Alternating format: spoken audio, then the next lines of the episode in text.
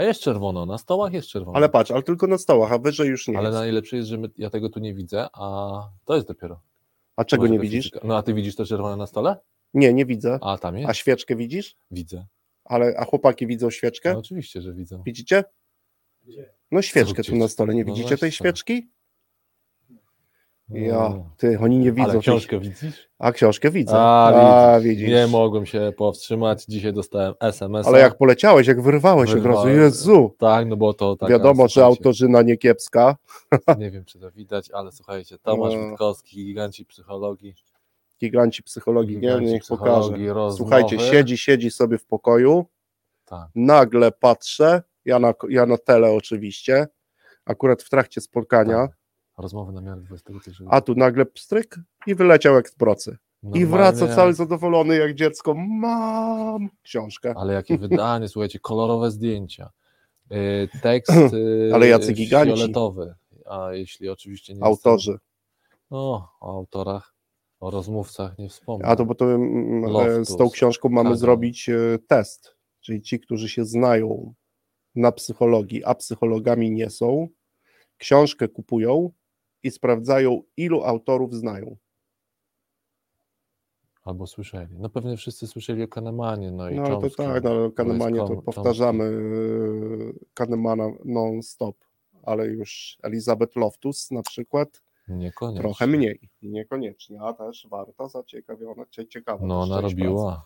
Narobiła. Mhm. Właśnie już, już ten rozdział zacząłem czytać. pracy. A widzisz, od razu tą rozmowę. elegancko, Racz mi pana. To będzie weekend. ale to no i co zamierzasz w weekend zmęczyć? Ach, no właśnie, nie zmęczyć. Przyjemność mieć. Patrzę, jak pachnie. pachnie. Mm. No to musiałem mieć w papierze. Ale Wiedza naprawdę jakie pachnie. ładnie wydanie. Słuchajcie, to jaki wiedza. kolorek. Mówisz, że wiedza pachnie? Wiedza pachnie. A, Zapytamy dzisiaj Marcina też o taką książkę. Czy ma taką książkę, po którą kiedyś wyrwał jak z procy? No. Zobaczcie, w środku ten jeszcze jakieś zdjęcie pokaże, e, No, że jest w jak, a kolorze. jak wątek e, związany z czytaniem, nazbierałem już 21 lektur dotyczących wolności. O, 10 sekund to jeszcze zdąży kolorowe zdjęcie pokazać. Zobaczcie, normalnie. No. Mało się wydaje teraz książek takich Z to kolorowymi rozmowy, z zdjęciami. kolorowymi zdjęciami. Super. No ale to wiesz, to też trochę się Tomek napracował. O,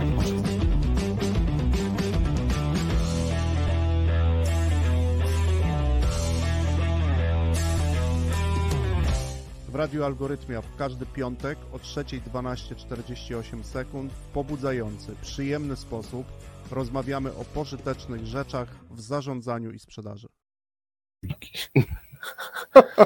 No i co? Dzień dobry, dzień dobry. Dzień słuchacze. dobry Cześć, Konrad. wieczór, cześć Tristan, witamy wszystkich przy radioodbiornikach, komputeroodbiornikach, Komputeroodbiornikach. e, telefonu, to nie wiadomo, telefonu wiesz. odbiornikach, generalnie przy Radia słuchasz odbiornikach. w telefonie, radia słuchasz e, w komputerze i, i gdzie chcesz tego słuchasz. Panie, słuchawkach bezpośrednio. Słuchasz gdzie chcesz. Słuchasz gdzie chcesz. I witamy dzisiaj, słuchajcie, też naszego gościa. Witamy serdecznie. Już troszkę zapowiadaliśmy. Cześć Marcin, dzień dobry. Dzień dobry Marcin. Cześć, witam Marcin wszystkich. słyszy? Cześć, cześć, O, cześć, słyszę. witam Cześć Marcin. A, ty na czym najczęściej słuchasz muzyki? Zaczęliśmy Albo radia. Albo radia. No, chyba nie będę jakiś oryginalny, generalnie Spotify, telefon i słuchawki. No właśnie, już wszyscy ma, ale to jest, to jest niesamowite. Ja na przykład na Spotify'u bardzo długo, albo tam na Tidalu czekałem na swoje wydawnictwo, wy, ulubione wydawnictwo i mówię, Aha. kiedy wreszcie i wreszcie Jest? i wszystkie płyty naraz. No, no tak. Niesamowite. Ale z Słuchajcie, tego, co ty mówisz, to, to tak z jakości to tak niespecjalnie. No jest, nie, no jak taka jednak. jakość właśnie do podróży Spotify, podróży. nie? Ale już w Mhm. domu, gdybyś chciał, no to tam Tidal, jak sobie poszukasz, tam już Też jest. I Apple Music też nie najgorzej sobie radzi, No ja ostatnio jeżeli testuję. chodzi o jakość. No dobra, słuchajcie, to słuchajcie słuchacze. Słuchajcie. Dzisiejsze, dzisiaj naszym gościem jest Marcin Mar- Barański. No i co, nie będziemy za dużo mm, my, Marcin, o tobie mówić, tylko zwyczajowo zaczniemy od czego? Ty już wiesz?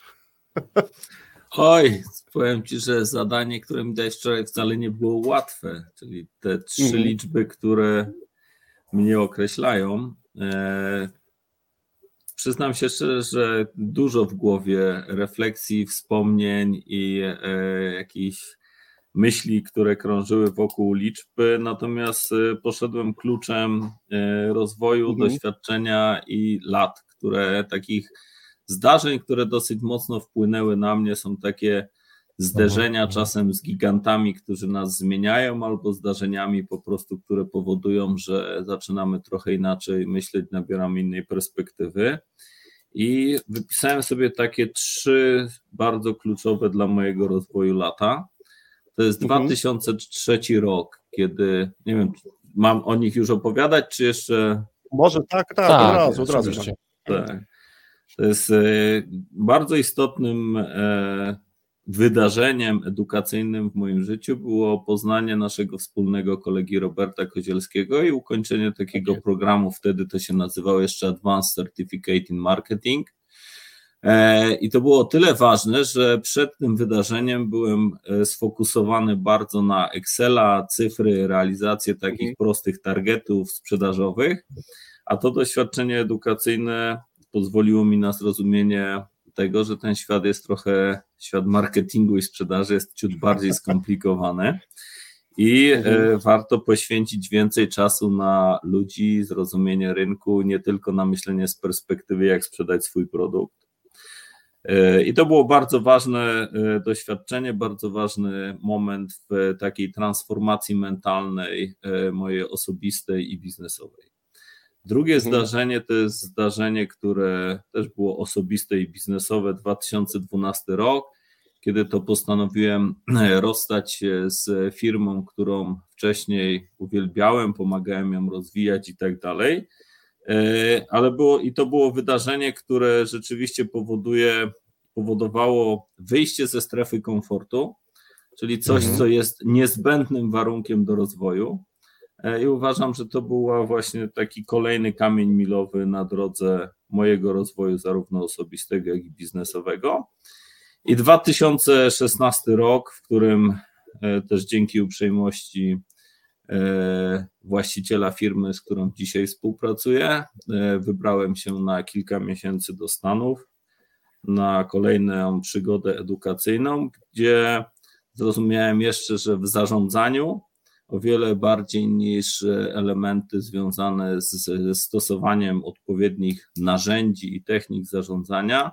Są elementy miękkie związane z kulturą organizacyjną i tworzeniem trwałych przewag, które wynikają praktycznie tylko z kultury organizacyjnej, więc to są trzy takie, kazałeś mi tylko trzy w związku z powyższym Wyciągnąłem trzy daty. Nie, wiesz, to było to, to brzmiało jak po prostu trzy cyfry i koniec, nie? Więc e, są... Tristan, przeczytaj, e, usłysz to jako informację zwrotną. Ty prosiłeś, ale tak. Marcin, Marcin usłyszał, że kazałeś. No i teraz tak, Tristan, masz... Tristan ma tego typu taki rzeczywiście tryb, który powoduje, że trudno się z nim było kłócić wczoraj. No. Marcin, biorę to oczywiście od ciebie jako informację zwrotną zawsze. E, czyli co, mówisz trzy no, liczby, trzy które de facto są takimi momentami przełomowymi trochę, tak? Jak o tym e, mówisz. Tak, jak, jak patrzę wstecz, e, no każdy z nas pewnie, no, ja zakładam, że niewiele jest osób, które od początku swojej kariery wiedzą, co chcą robić, co będą robiły, jak się będą rozwijały. Ja byłem otwarty na to, co również życie przynosiło. W związku z powyższym e, też staram się łączyć pewne nitki. Tu mówiliście o książce. Dla mnie Adam Grandi, Buntownicy, jest taką książką, która pokazuje tak samo, jak często różne linki historyczne decydują o tym, jak, jak na końcu dany projekt, człowiek, e, firma e, funkcjonuje. Jeżeli chodzi o doświadczenia osobiste, też uważam, że też się rozwijamy często poprzez różne przypadki, które no, pod, wykorzystując szansę, którą życie nam daje, e, po prostu albo, albo się rozwijamy, albo tracimy te szanse. Mhm. Mnie od razu zaciekawiło, gdyby taką retro, retrospektywę troszeczkę, no bo za, zacząłeś zresztą sam o tym, podając te daty de facto ważnych wydarzeń w Twoim życiu zawodowym, e, to mi się od razu zawsze takie pojawia pytanie, a co by było na przykład Marcin, gdybyś na takiego Roberta, oczywiście daję to jako przykład, Mhm. trafił nieco wcześniej w swoim, bo powiedziałeś fajnie, że w tamtym czasie jakby funkcjonowałeś jako ktoś, kto zajmuje się sprzedażą według, no, powiedziałeś Excel, tabelki, no i Tak. zasadniczo jakiś cel, Nawet chciałem powiedzieć, Tak. że jak, jak rasowy sprzedawca. jak rasowy sprzedawca, nie? No takie... z- i- No, od razu mi się taka refleksja, a co by było gdyby? Oczywiście to jest w kategoriach oczywiście tylko i wyłącznie gdy- gdybologii, natomiast em, zawsze mnie to ciekawi, jakby, jakby się inaczej potoczyło twoje życie zawodowe, gdybyś na przykład tej zmiany, mógł, gdybyś ją mógł wykonać wcześniej, no ale to... Wiesz nie mam zielonego po- pojęcia i pewnie tak jak powiedziałeś, to jest, podoba mi się to określenie gdybologia. E, Natomiast e, też uważam, że do niektórych rzeczy trzeba dojrzeć, bo bardzo możliwe, że jakbym wcześniej poznał, poszedł na taki program, nie mając doświadczenia, które już w tym czasie miałem e, i podejścia do życia, to bardzo możliwe, że po prostu nie wyciągnąłbym z tego tyle, ile wyciągnąłem dokładnie w tym czasie, więc e, No bardzo możliwe, że tak samo do pewnych doświadczeń życiowych, edukacyjnych, ale i biznowych, biznesowych po prostu musimy dojrzeć. Mhm. Ja też tak mam, że nie- niektóre z tych naszych e, często też spotkań, ale też podoba mi się to, Marcin, co powiedziałeś, czyli pewna przygoda edukacyjna, bo już użyłeś dwu czy trzykrotnie tego zwrotu i z każdym z tych przełomów jest związana jakaś przygoda Edukacja, tak. edukacyjna, Mhm. a to program prowadzony też, no nie tylko przez Roberta, ale też przez, przez różnych innych e, specjalistów w zakresie marketingu, czyli ten Advance, e, Advance program, to chyba CIM, tak? CIM, e, jeżeli dokładnie Tak, robię tak, to pamiętam. The Chartered Institute of Marketing. Tak. Tak, tak, to my też tam się spotkaliśmy i to jest faktycznie tak, że ja mam podobny też rys, gdzie w pracy sprzedawcy de facto jedną z przygód był właśnie na początku pierwszy to był product marketing, jakby te nowe elementy, które się pojawiły, a później kolejne, Mhm. Które no, rozszerzały to spektrum. Rozszerzały to spektrum. Mówię, że na pewno te przygody edukacyjne miały walor e, taki impulsowy, tak? czyli gdzieś w tym momencie zaczynamy też dostrzegać, że jeszcze są e, inne aspekty tak, pracy, które też są. A z czystej ciekawości, Marcin, a ta przygoda edukacyjna e, w Stanach to możesz powiedzieć, gdzie i czego dotyczyła? Bo tu ciekawość mnie zżera Jasne, trochę. jasne. Wiesz co, to jest, e, ja jakiś czas temu, znaczy generalnie przyjąłem założenie, że co 2-3 lata staram się robić jakiś nowy program edukacyjny, tak jak mówię, odbywać jakąś przygodę edukacyjną. E, Dlaczego o tym mówię? Bo tu nie chodzi o zdobywanie kolejnych dokumentów, świstków, papierków, tylko o poznawanie ludzi, o poszerzanie Mhm. horyzontu, horyzontów. Natomiast e, ten 2016 rok to wybrałem się do Stanów na e, Harvard Business School na program General Management, e, gdzie Mhm. rzeczywiście był to wyjątkowo ciekawy program, który łączył zarówno takie elementy, które są twardych technik związanych z zarządzaniem, analizą finansową, ale Mhm. niezwykle, niezwykle dużo czasu poświęcaliśmy e, miękkim tematom e, zarządzania, e, przywództwa, eksperymentowania w firmie, różnic kulturowych, zrozumienia tych różnic kulturowych, ale zrozumienia też tego, że umiejętność budowania firmy to jest bardzo wielowątkowa i wieloczynnikowa umiejętność, gdzie trzeba się uczyć przede wszystkim łączyć ze sobą różne kropeczki, które od siebie bardzo mocno zależą, zależą w jeden wspólny obrazek. E, I to rzeczywiście było na kilku obszarach, na kilku poziomach e, wyjątkowe doświadczenie, otwierające oczy i głowę. E, Nie tylko ze względu na to, co mieliśmy jako pakiet wykładów, ćwiczeń, ale również ze względu na to, jak było to prowadzone, jak pozwalało na poznawanie niesamowicie różnych poglądów na te same tematy, na zadanie, na te same case'y, te same tematy, jak bardzo można było zobaczyć, jak bardzo w zależności od e, firmy, jak bardzo w zależności od kraju, jak bardzo w zależności od e, poziomu doświadczenia, światopoglądu, można różnić się praktycznie dostając dokładnie te same dane, dokładnie te same wytyczne do zrobienia zadania. I to było tak samo takie odkrycie, które uczy pokory w stosunku do różnic pomiędzy ludźmi, nie tylko na poziomie międzynarodowym, ale również na poziomie krajowym, wewnętrznym, a wręcz na poziomie firmowym. Mhm. No, czyli też w takiej książce Giganci Psychologii pewnie nie jedna z osób zasilała taki program swoją wiedzą e, w takim miejscu, w którym też e, byłeś, Marcin, podoba mi się to, że trzeba dbać o te przygody edukacyjne i takich tak. szukać z jakąś częstotliwością, mniejszą i większą. Tym bardziej, że teraz możliwości naprawdę są, są, one są i to można tak. powiedzieć, że są dużo szersze niż kiedyś. E, bo technologia temu sprzyja, nie? I takie innowacyjne podejście do tego, a ty też wiem, że często podróżujesz z miejsca do miejsca i taką wiedzę, no właśnie, chociażby dotyczącą różnic e, pomiędzy państwami, na co dzień można wykorzystać, nie? To też ten element ważny. To jest wiedza i świadomość, ale to jest tak samo czerpanie inspiracji. Ja muszę powiedzieć, że mhm. bardzo wiele inspiracji dotyczących y, głównie pewnie produktów, ale również komunikacji marketingowej, e, sposobu organizacji dystrybucji. Ja muszę powiedzieć, że bardzo dużo się uczę właśnie z tych wyjazdów e, i co chwilę coś nowego e, wprowadzamy albo dyskutujemy, czy możemy wprowadzić po tego typu podróżach i wyjazdach. Mhm. Nie dość, że edukacyjne, to jeszcze edukacyjne w wymiarze praktycznym, bo to też, e, e, też ważne dla nas w tym, w, tym, w tym miejscu. No dobrze.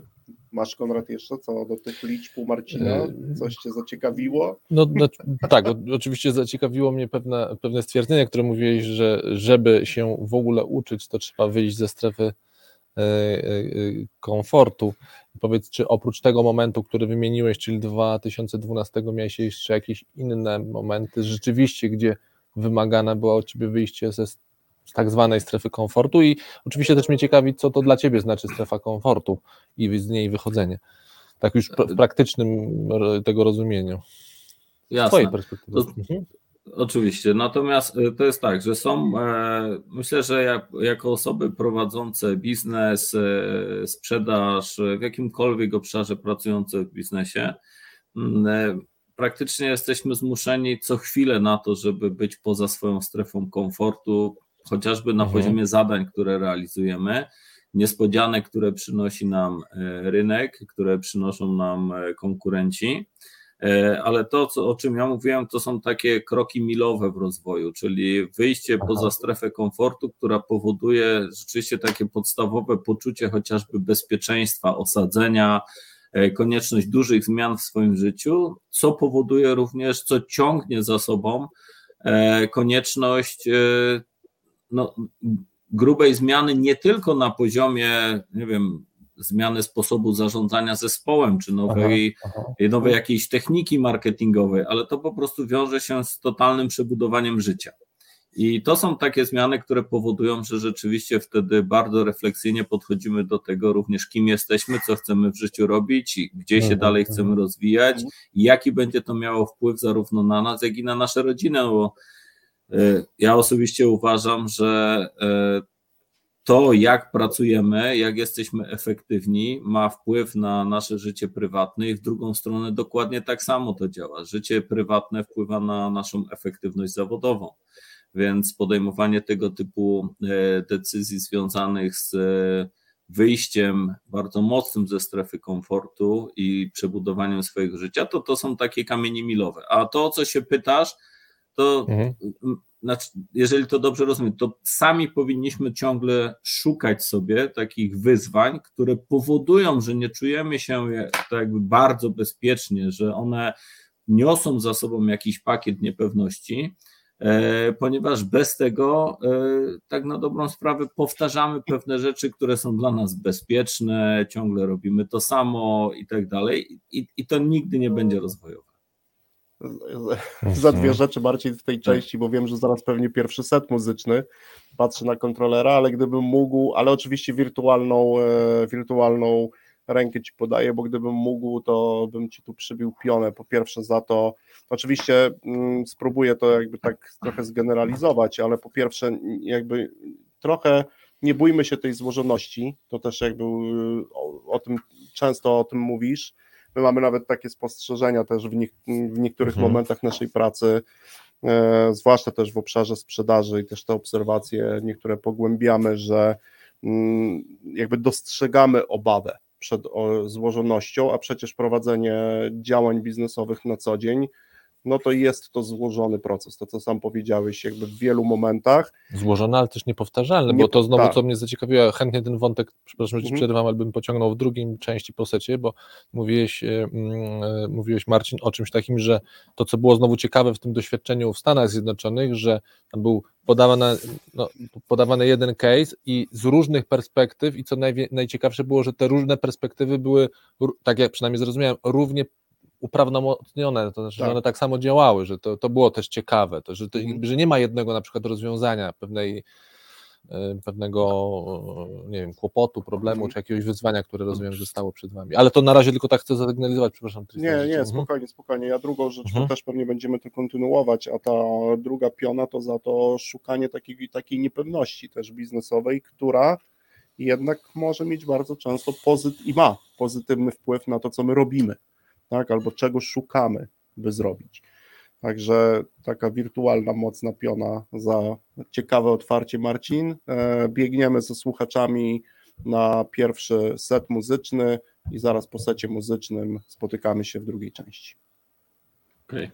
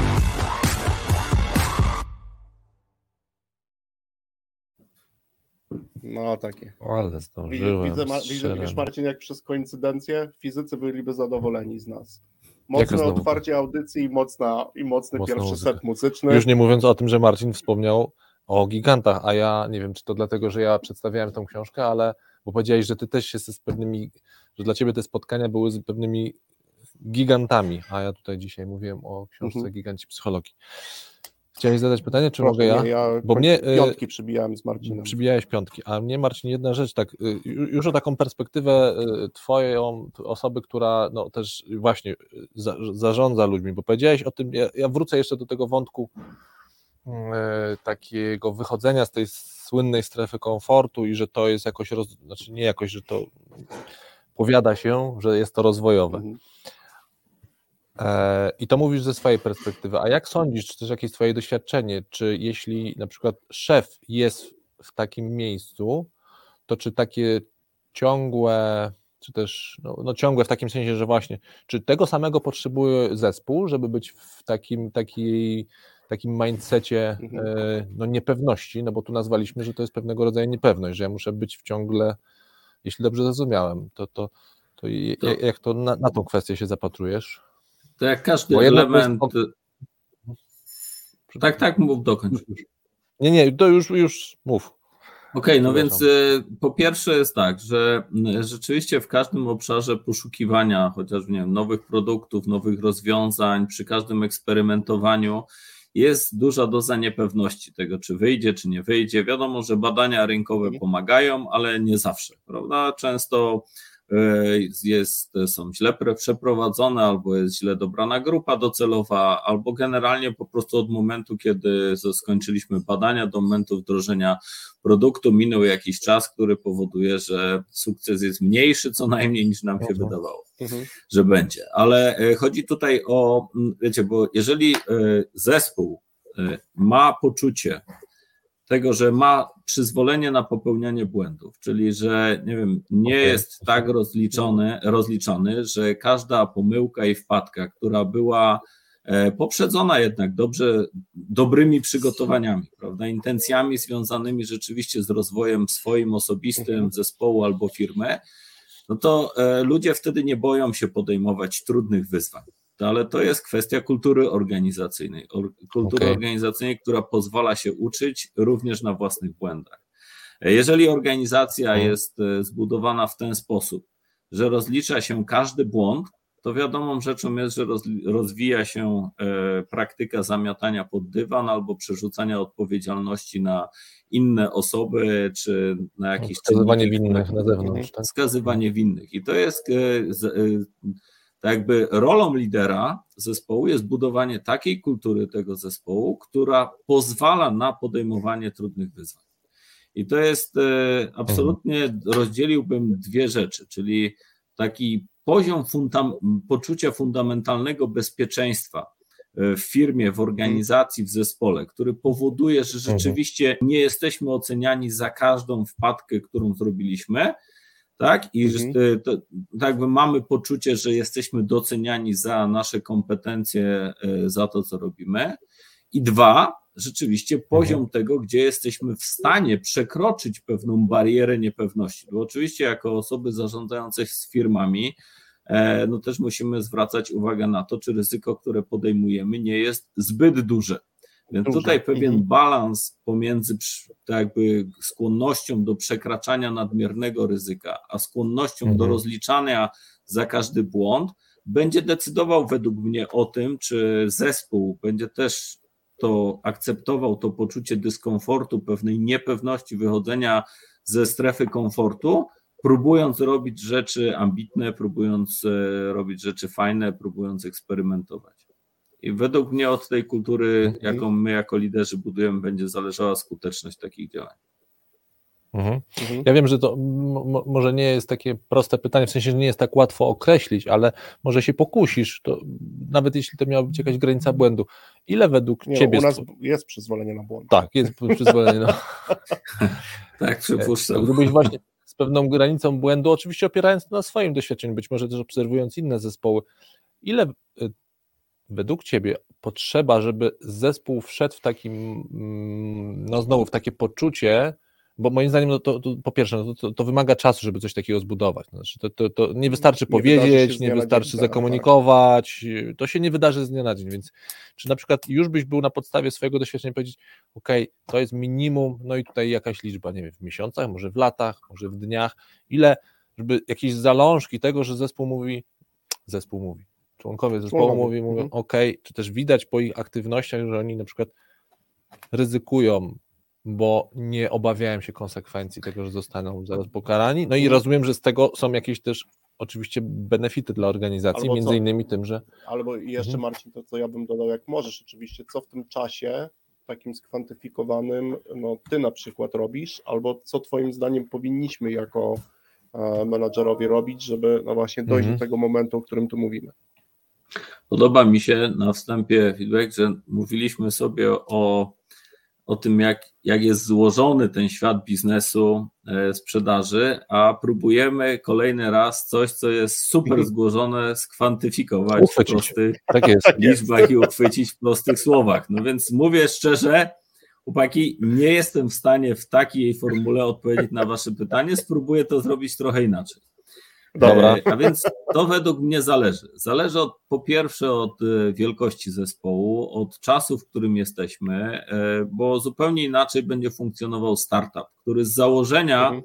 jest ryzykownym przedsięwzięciem w zdecydowanej większości startupów, gdzie founderzy wierzą głęboko w swój projekt, zarażają ideą tego projektu kolejnych ludzi, którzy, przy, których przyciągają. Mhm. I wiadomą rzeczą jest, że tutaj przy tego typu firmie, przy tego typu zespole, ten poziom ryzyka jest nieporównywalnie większy. Poziom również wyzwań związanych z pozyskiwaniem kapitału, później udowadnianiem, że ten pozyskany kapitał został pozyskany e, prawidłowo, że inwest- udowadnianie inwestorom tak samo E, tego, że ta idea jest słuszna, mimo tego, że jeszcze ciągle nie, jest, nie daje konkretnych tak. liczb, cyfr sprzedażowych albo implementacja się wydłuża, więc to jest zupełnie inny poziom, e, tak by, tutaj można by, powiedział tak, tutaj od początku jest taki duch, prawda? W tym przypadku tak. od początku mhm. jest taki duch eksperymentowania, E, przyzwolenie na błędy, te błędy się popełnia co chwilę, co chwilę się gdzieś tam potyka. Zupełnie inaczej wygląda to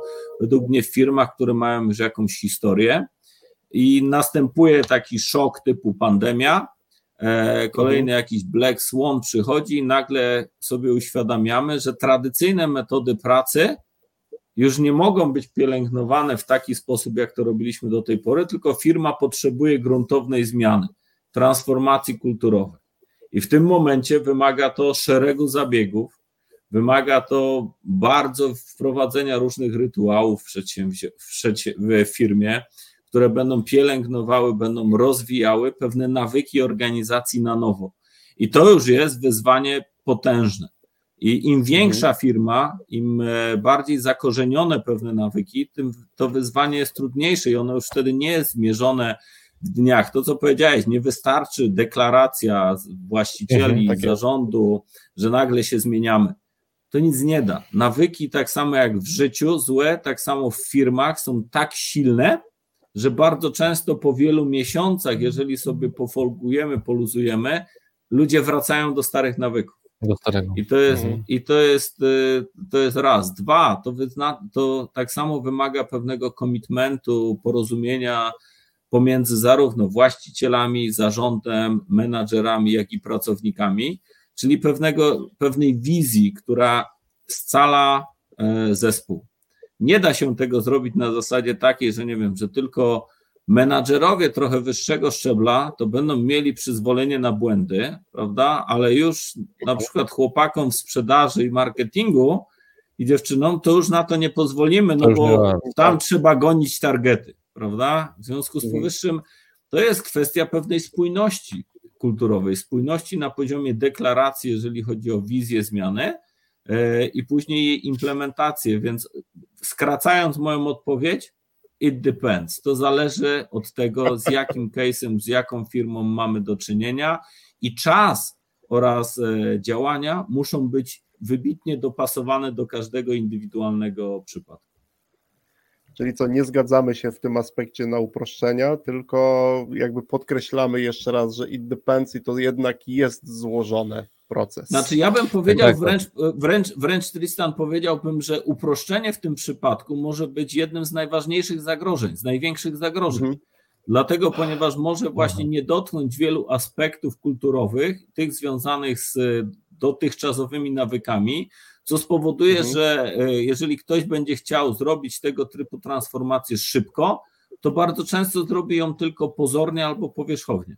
To jest dokładnie tak mhm. samo jak z wdrażaniem lean management w firmach. Bardzo często chodzimy mhm. po zakładach, w których są e, zrobione tablice cieni, narysowane ładne e, na podłogach przeważnie żółte linie, prawda, oddzielające mhm. dla bezpieczeństwa różne strefy ale tak de facto nie wprowadziliśmy filozofii lean management, w której pracownicy rzeczywiście żyją doskonaleniem. I to wymaga, mhm. taka różnica jest pomiędzy tym, jak ktoś wchodzi do firmy i w trzy miesiące nam robi projekt lean management, a różnica jest i potężna różnica w efektywności, że jeżeli e, firmie udało się wdrożyć filozofię lean management. I to jest mhm. dokładnie to samo dotyczy sposobu sprzedaży, komunikacji marketingowej, pracy w zespołach interdyscyplinarnych, ja jestem bardzo dużym przeciwnikiem upraszczania tego typu wyzwań.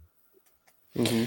No to upraszczanie się y, wraca do nas jak bumerang. Zresztą pojawiło się już wczoraj w naszej rozmowie, no tak, kiedy żeśmy tak, się tak, tak. przygotowywali i mieliśmy chwilę e, okazji porozmawiać. Ja oczywiście też chętnie jeszcze o to popytam, nie wiem czy już po secie muzycznym, ale bo tutaj wręcz y, jasną deklarację usłyszałem od ciebie, że wręcz jesteś przeciwnikiem tego upraszczania, a i różnych metod, szczególnie jeśli chodzi, mhm. E, szczególnie jeśli chodzi o sprzedaż. Ale podoba mi się to, że nawet prowokowany pytaniami o to, żeby jednak coś wyciągnąć, jakąś esencję, to pierwsze zastrzeżenie, co, które znaczy, to, to, to, to, żeby, to przepraszam, to żeby to podsumowanie, nie. które przed chwilą podałeś, ono nie jest precyzyjne z jednego powodu. Mhm ponieważ mhm. E, upraszczać trzeba procedury wewnętrzne, biurokrację, czyli to są wszystko mhm. rzeczy, które trzeba wewnątrz kultury, wewnątrz firmy upraszczać. Aha. Czyli wszystkie okay. rzeczy, które są zbędne, ale wszędzie tam, gdzie, gdzie mówimy o kulturze organizacyjnych, o poziomie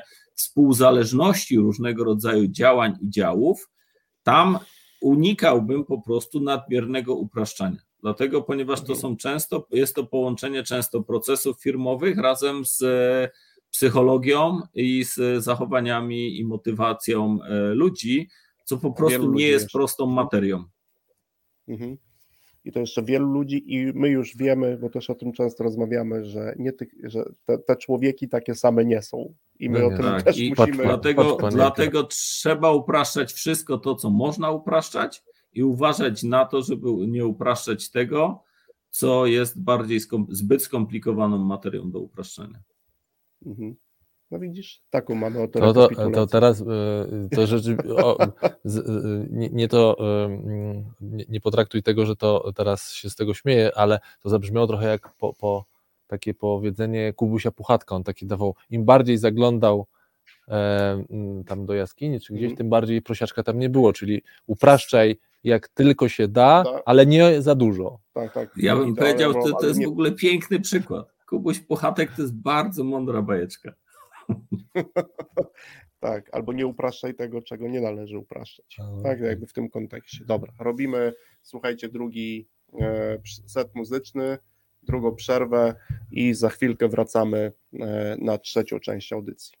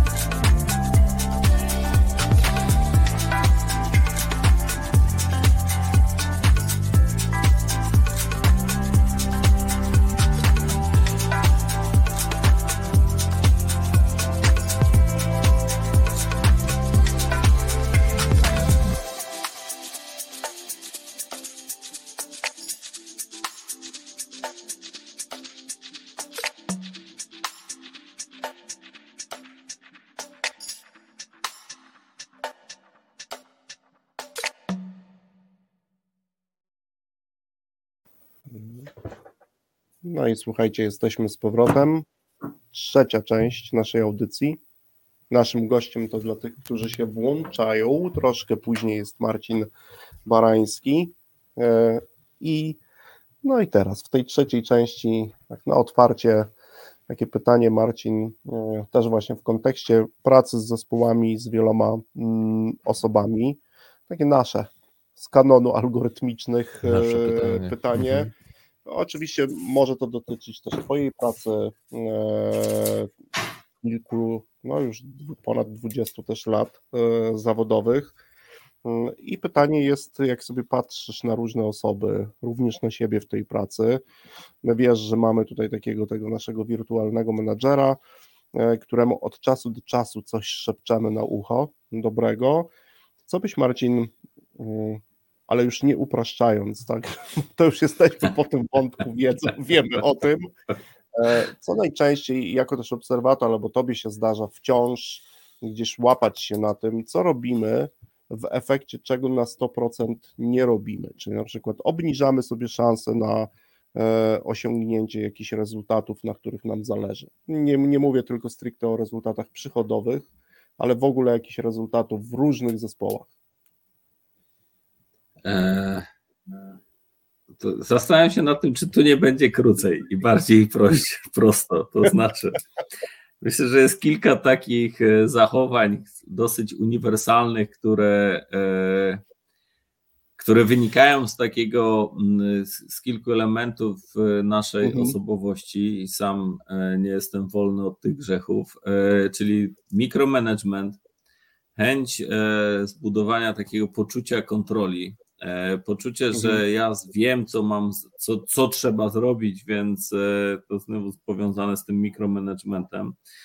E, I bardzo często mamy do czynienia z e, taką e, sytuacją, ja ponieważ też jestem gaduła, to tak jak powiedziałem, nie jestem wolny od tego typu grzechów, że wchodzimy na, e, na spotkanie z zespołem i w pewien sposób jako menadżerowie mówimy, co powinno być zrobione.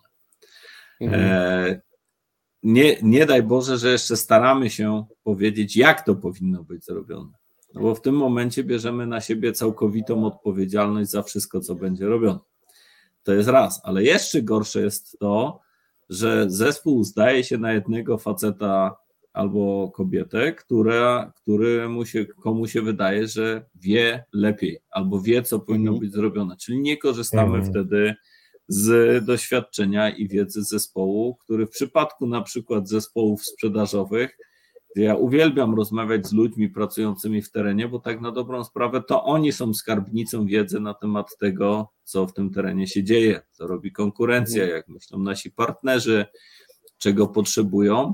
I w tym momencie y, warto rzeczywiście odpuścić swoje ego i poczucie tego, że ja jako lider, menadżer muszę wiedzieć, co powinno być zrobione albo wskazać mojemu zespołowi drogę, na rzecz właśnie odwrotną. To ty, drogi zespole, powiedz mi, co powinno być zrobione i umiejętnie to moderować. Więc to jest taki, taki element chyba, na który wskazałbym e, jako jeden z głównych, który gdzie wydaje nam się, że po prostu my z naszą wiedzą, doświadczeniem, przekonaniami i tak dalej, tak jakby wiemy, co powinno być zrobione.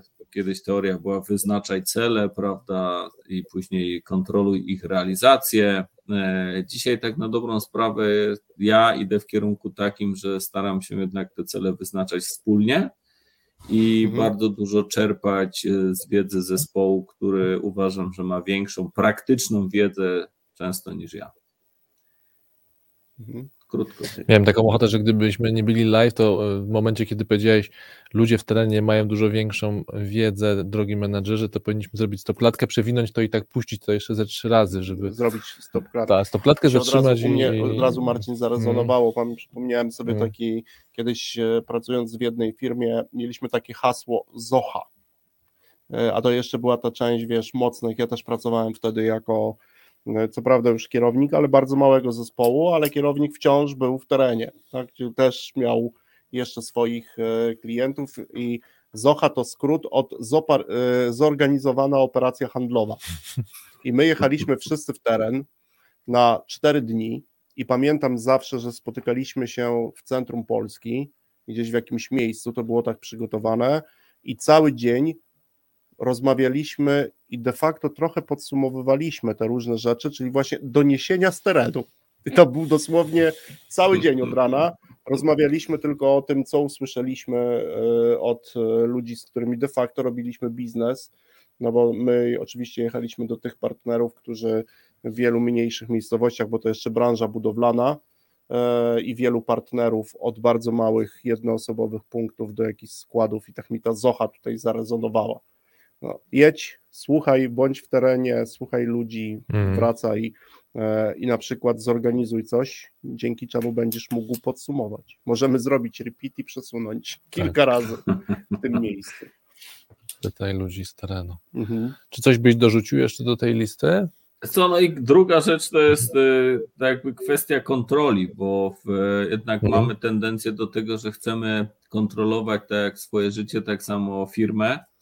E, I Mhm. ja zawsze, y, znaczy od dłuższego czasu mam takie mm, przekonanie, że e, kontrola versus motywacja musi być naprawdę na poziomie bardzo dużego balansu, ponieważ e, każda osoba, która nie wiem, ma poczucie takie, że jest w każdym punkcie swojej pracy, w każdym momencie swojej pracy kontrolowana i ma narzucone zadania. Owszem, no, są pewnie w zespołach różnych e, potrzebne takie stanowiska, ale na pewno nie w sprzedaży, szczególnie nie w sprzedaży relacyjnej. Nie tam, gdzie rzeczywiście sprzedawca również jest ambasadorem marki, którą buduje w terenie. Mhm.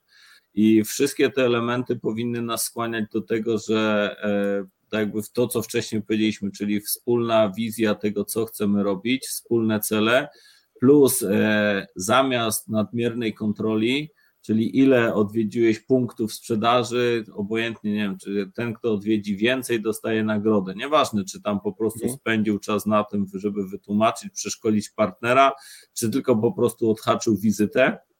E, no to to, jest, to są takie elementy, gdzie dobrze zmotywowany sprzedawca, jeżeli już przejdziemy na poziom sprzedawcy, potrafi sam, dobrze myśląc, zrobić genialną robotę w terenie. Sprzedawca, który jest Mhm. tylko i wyłącznie dobrze kontrolowany, będzie robił tylko i wyłącznie to, na co mu, e, co, e, na co mu pozwalamy i co mu każemy robić. Mhm.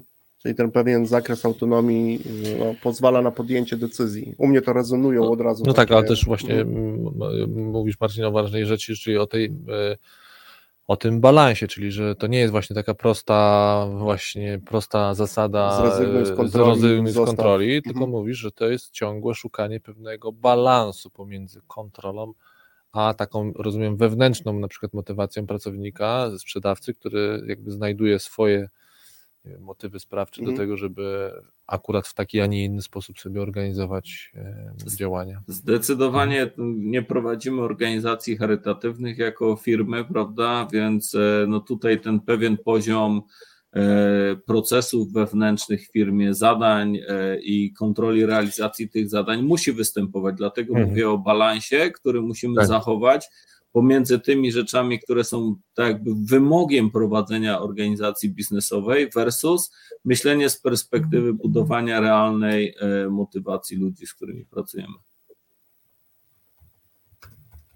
Mamy już e, jedno bardzo ciekawe pytanie od Rafała na ekstra set e, a propos wyznaczania celów. Także szykujmy się wspólnie na to, e, na to pytanie. U mnie to jak gdzieś tam wiesz, Marcin, od razu coś odpowiadasz, to u mnie rezonują, rezonuje ode mnie, u mnie od razu bardzo wiele wydarzeń. Też sobie przypominam właśnie w tej samej branży budowlanej taki case, gdzie była tak zwana trasówka, no bo na tym polegała ta praca często, czyli ktoś, kto był twoim szefem, wiedział, gdzie, gdzie będziesz, Mhm. ale muszę powiedzieć, że nigdy nie zostałem odpytany z tak zwanej trasówki, czy zrobiłem ją e, w pełni i pamiętam takie decyzje, do dzisiaj mi zarezonowało, gdzie nie, niejednokrotnie jakiś z partnerów mówi, a pojechałbyś ze mną na tą budowę, e, po to tylko, żebyś był twarzą producenta i w, w miejscach, w których Mhm. będziesz mógł zabrać głos, żeby potwierdzić to, co ja mówię, a może jak będę mówił rzeczy, których, z którymi się nie zgodzisz, no to możesz Mhm. oczywiście to też zanegować. Pamiętam kilka takich wizyt i bardzo często te wizyty kończyły się tym, że to de facto generowało zupełnie nowe wątki. sprzedażowe, Absolutnie. zupełnie nowe wątki. Nie? A trasówka poszła, już jej nie było. Nie? To taka, taka rzecz. No, tak mi się tu przypomina nasza rasowa e, praca sprzedawcy. Tak, jeszcze mam Marcin w końcówce tej, tej mm, naszego spotkania. Chciałbym Cię zapytać, no, firmę, w której też pracujesz, e, o całą grupę, ale w takim kontekście, co Marcin, wy w takiej firmie, w takiej grupie jak Vox, ale możesz gdzieś blisko sobie wybrać jakiś obszar, e, robicie, albo ty co robisz, mm, żeby de facto takie rezultaty, które gdzieś projektujecie, ustalacie, e, osiągać sprawniej, na przykład z roku na rok. Może być w kontekście sprawności organizacyjnej, no więc y, powiem Ci tak, że y, Vox i właściciele Voxa od, y, od wielu lat y, rozwijają kulturę, która jest oparta na pewnej wolności mhm. osobistej, pewnej również zmienności, swobody organizacyjnej. Czy to znaczy, oczywiście mhm. w różnych y, działach firmy wiadomo, że tam, gdzie jest fabryka, centrum logistyczne, tam muszą być jasne procedury, które są związane z zachowaniem bezpieczeństwa pracy, jakości produktów i tak dalej. Ale w tych obszarach kreatywnych, bardziej, szczególnie w marketingu, w rozwoju produktowym, ale również y, w sprzedaży, pozwalamy sobie na y, bardzo dużą powiedziałbym, swoboda, ale z czego ona wynika? Ona nie wynika z, z chaosu, który, nie wiem, na który ktoś po prostu pozwala. My pracujemy bardzo dużo warsztatowo i w zespołach interdyscyplinarnych. I to, co wcześniej mhm. mówiłem, tego typu rytuały y, operacyjne, y, rytuały organizacyjne, rytuały kreatywne pozwalają na to, że integrujemy ze sobą ludzi z różnych działów i pracujemy mhm. bardzo mocno projektowo, czyli cała struktura jest, powiedziałbym, macierzowo-networking, E, mhm. Pracujemy bardzo mocno z freelancerami. E, znacząca część ludzi, którzy, znaczy to są freelancerzy, którzy można powiedzieć prawie już na stałe do nas przylgnęli. Na stałe są u Was. No tak, prawie że. Bo, mhm. no, zajmujemy po prostu znaczącą część ich czasu.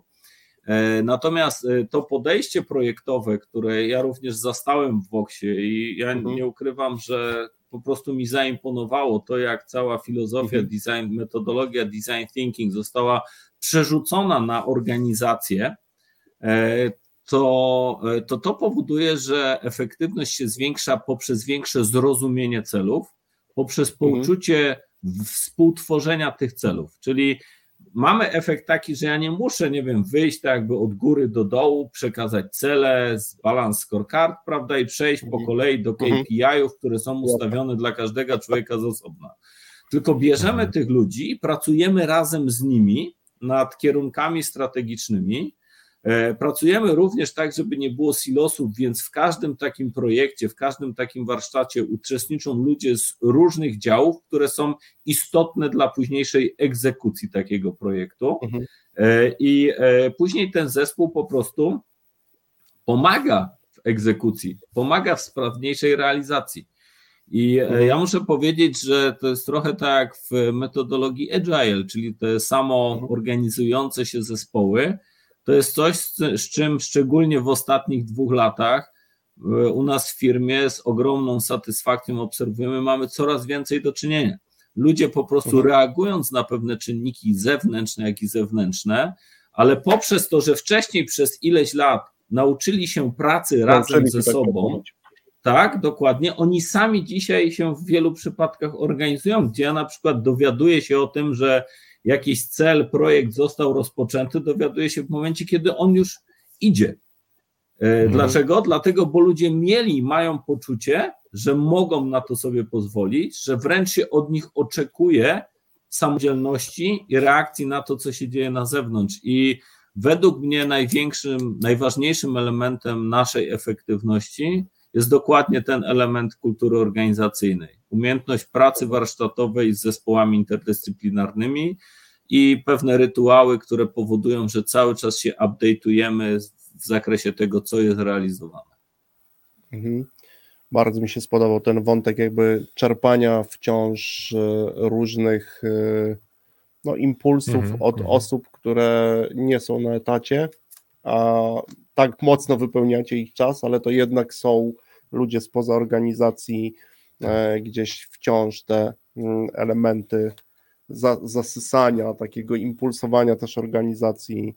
No i oczywiście też ta praca mm, interdyscyplinarna. Rozumiem, że niektóre e, projekty, o których mówiłeś, mogą zacząć się przy kubku dobrej kawy w Woksie. Oj, oczywiście, że dzisiaj. tak. Coffee Joe, Coffee Joe to jest jeden z najfajniejszych elementów e, tworzenia nowych pomysłów, zarówno nie tylko takich, które są, dotyczą tego, jak pracujemy, ale bardzo często przy kubku kawy czy przy lunchu powstają po prostu naprawdę świetne pomysły, gdzie problemem jest to, że e, w wielu organizacjach, że tego typu pomysł nie jest często traktowany wystarczająco poważnie, bo nie przyszedł, nie wiem, z zarządu, z managementu, tylko powstał właśnie przy kubku kawy, a my staramy się wyłapywać te perełki i dawać przestrzeń do ich e, skutecznej egzekucji, wdrażania. Mhm. No właśnie. Chcesz jeszcze jakiś wątek? chętnie mhm. zapytam, ale już w ekstrasecie. A już w ekstrasecie, tak. tak. Jeszcze chwilkę mamy. Tak? Patrz, nasi kontrolerzy nam dają tutaj. Także możesz pytać, jakby spokojnie. A, no to teraz tak, mnie zaskoczyłeś. Jak nie, widzisz. Bo, bo, bo oczywiście, y, znaczy ja bym jeszcze chciał na chwilę wrócić, jeśli um, pozwolisz, że znowu zakładając, że nie znasz jednej pewnej odpowiedzi, znowu ja już wiem, że nie o to cię pytam, żebyś mi dał przepis, ale być mo- ale bardziej pytam o twoje no właśnie spostrzeżenia. Co pcha menedżerów do tego, żeby wykonywać te działania kontrskuteczne, czyli według, two, według Twojego takiego rozeznania, co może pchać, bo jeśli chcesz się na tyle odkryć, to być może też się podzielić, bo domyślam się, że Ciebie też w to ciągnęło, żeby robić mikromanagement, żeby, tą, żeby pracować na takim dużym poczuciu kontroli, co może e, pchać menedżerów jest, w taki sposób zarządzania? To jest według świetne ciebie. pytanie. To, to, jest co, to mhm. jest świetne pytanie i według mnie to nie jest tylko, ty, tylko moje zdanie, ale myślę, że to jest mhm. e, problem. E, też w Stanach mieliśmy na ten temat wykład dotyczący tego, że często dlaczego menadżerowie wchodzą właśnie w tego typu sposób zarządzania mhm. autorytarny, mhm. pokazując, że oni to zrobili. Dlatego, bo bardzo często tak są oceniani. Bardzo często po prostu Aha. ocena menadżera jest y, na podstawie tego, co ty zrobiłeś. Przychodzisz do firmy, to ocenimy cię za trzy miesiące, co ty zrobisz. Nie w jaki sposób poprowadzisz zespół, nie na ile będziesz osobą, która będzie integrowała, będzie y, pracowała nad rozbudowywaniem zespołu, ale nie oceniamy ciebie konkretnie jako menadżera. I to jest problem mhm. bardzo, bardzo wielu firm, e, które tak podchodzą z perspektywy samców, e, samic alfa, które muszą w organizacji się obronić, które muszą pokazać swoją przydatność w organizacji jako e, osoby, które przychodzą ze świetnymi pomysłami i wiedzą, jak rozwiązać każdy problem.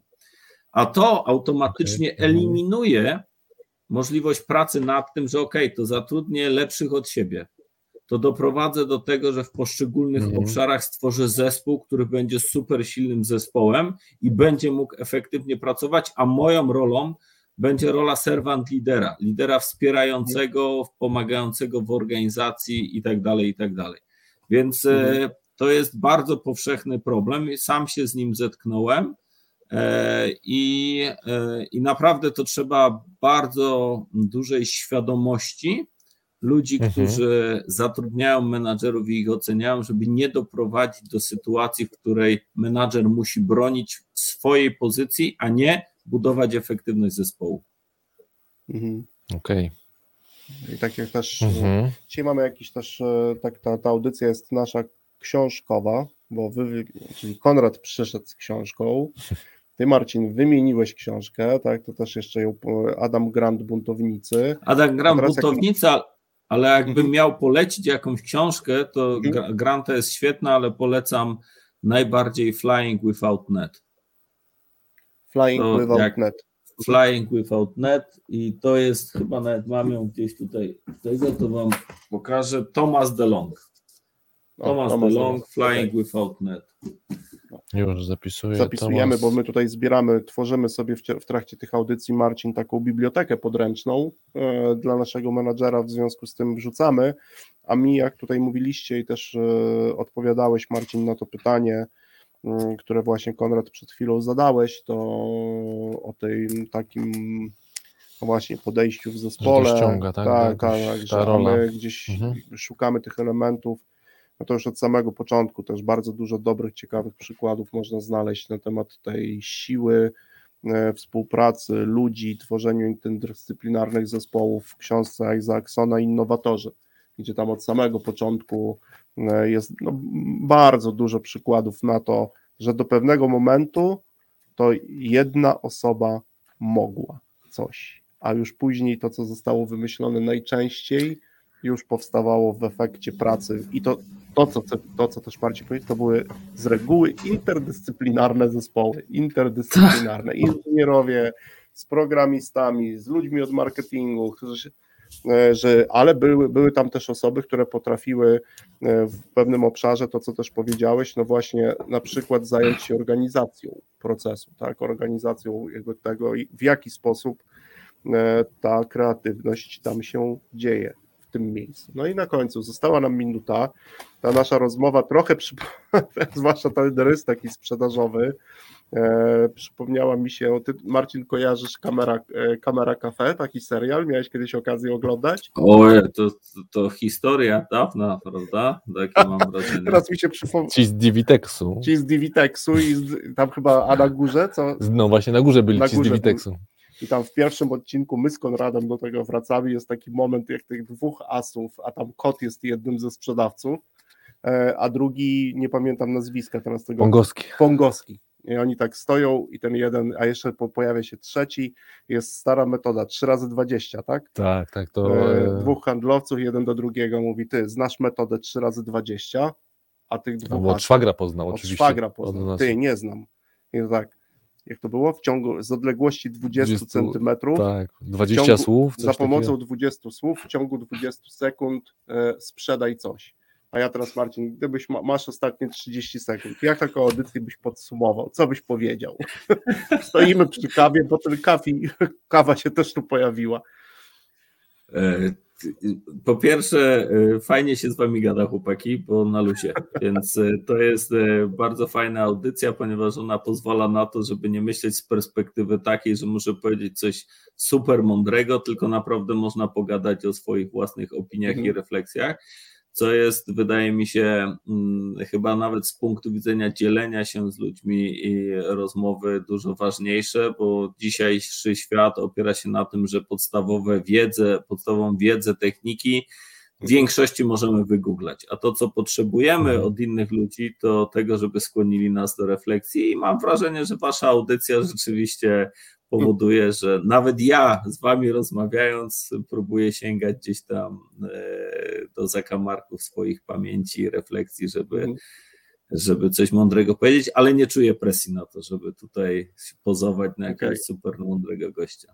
Także miło. Bardzo fajnie. Marcin, bardzo Ci dziękujemy. Dziękujemy. Słuchacze, Wam również dziękujemy. Za chwilę ostatni set muzyczny, taki na zakończenie. Czyli A my mamy już kilka pytań i z Marcinem e, zaraz widzimy się na ekstrasecie i oczywiście audycja i ekstraset e, już e, niedługo w naszych kanałach podcastowych, a dzisiaj mieliśmy premierę, Marcin, nie wiem czy wiesz, to była pierwsza nasza audycja, która poszła na LinkedIn Live i byliśmy przez całą audycję na live LinkedInowym, także Super. nowa rzecz, której nie mieliśmy. Premiera. Dobrego weekendu, Dobrego weekendu dobrego życzymy. czasu, a my Marcin za chwilę się widzimy na ekstrasecie.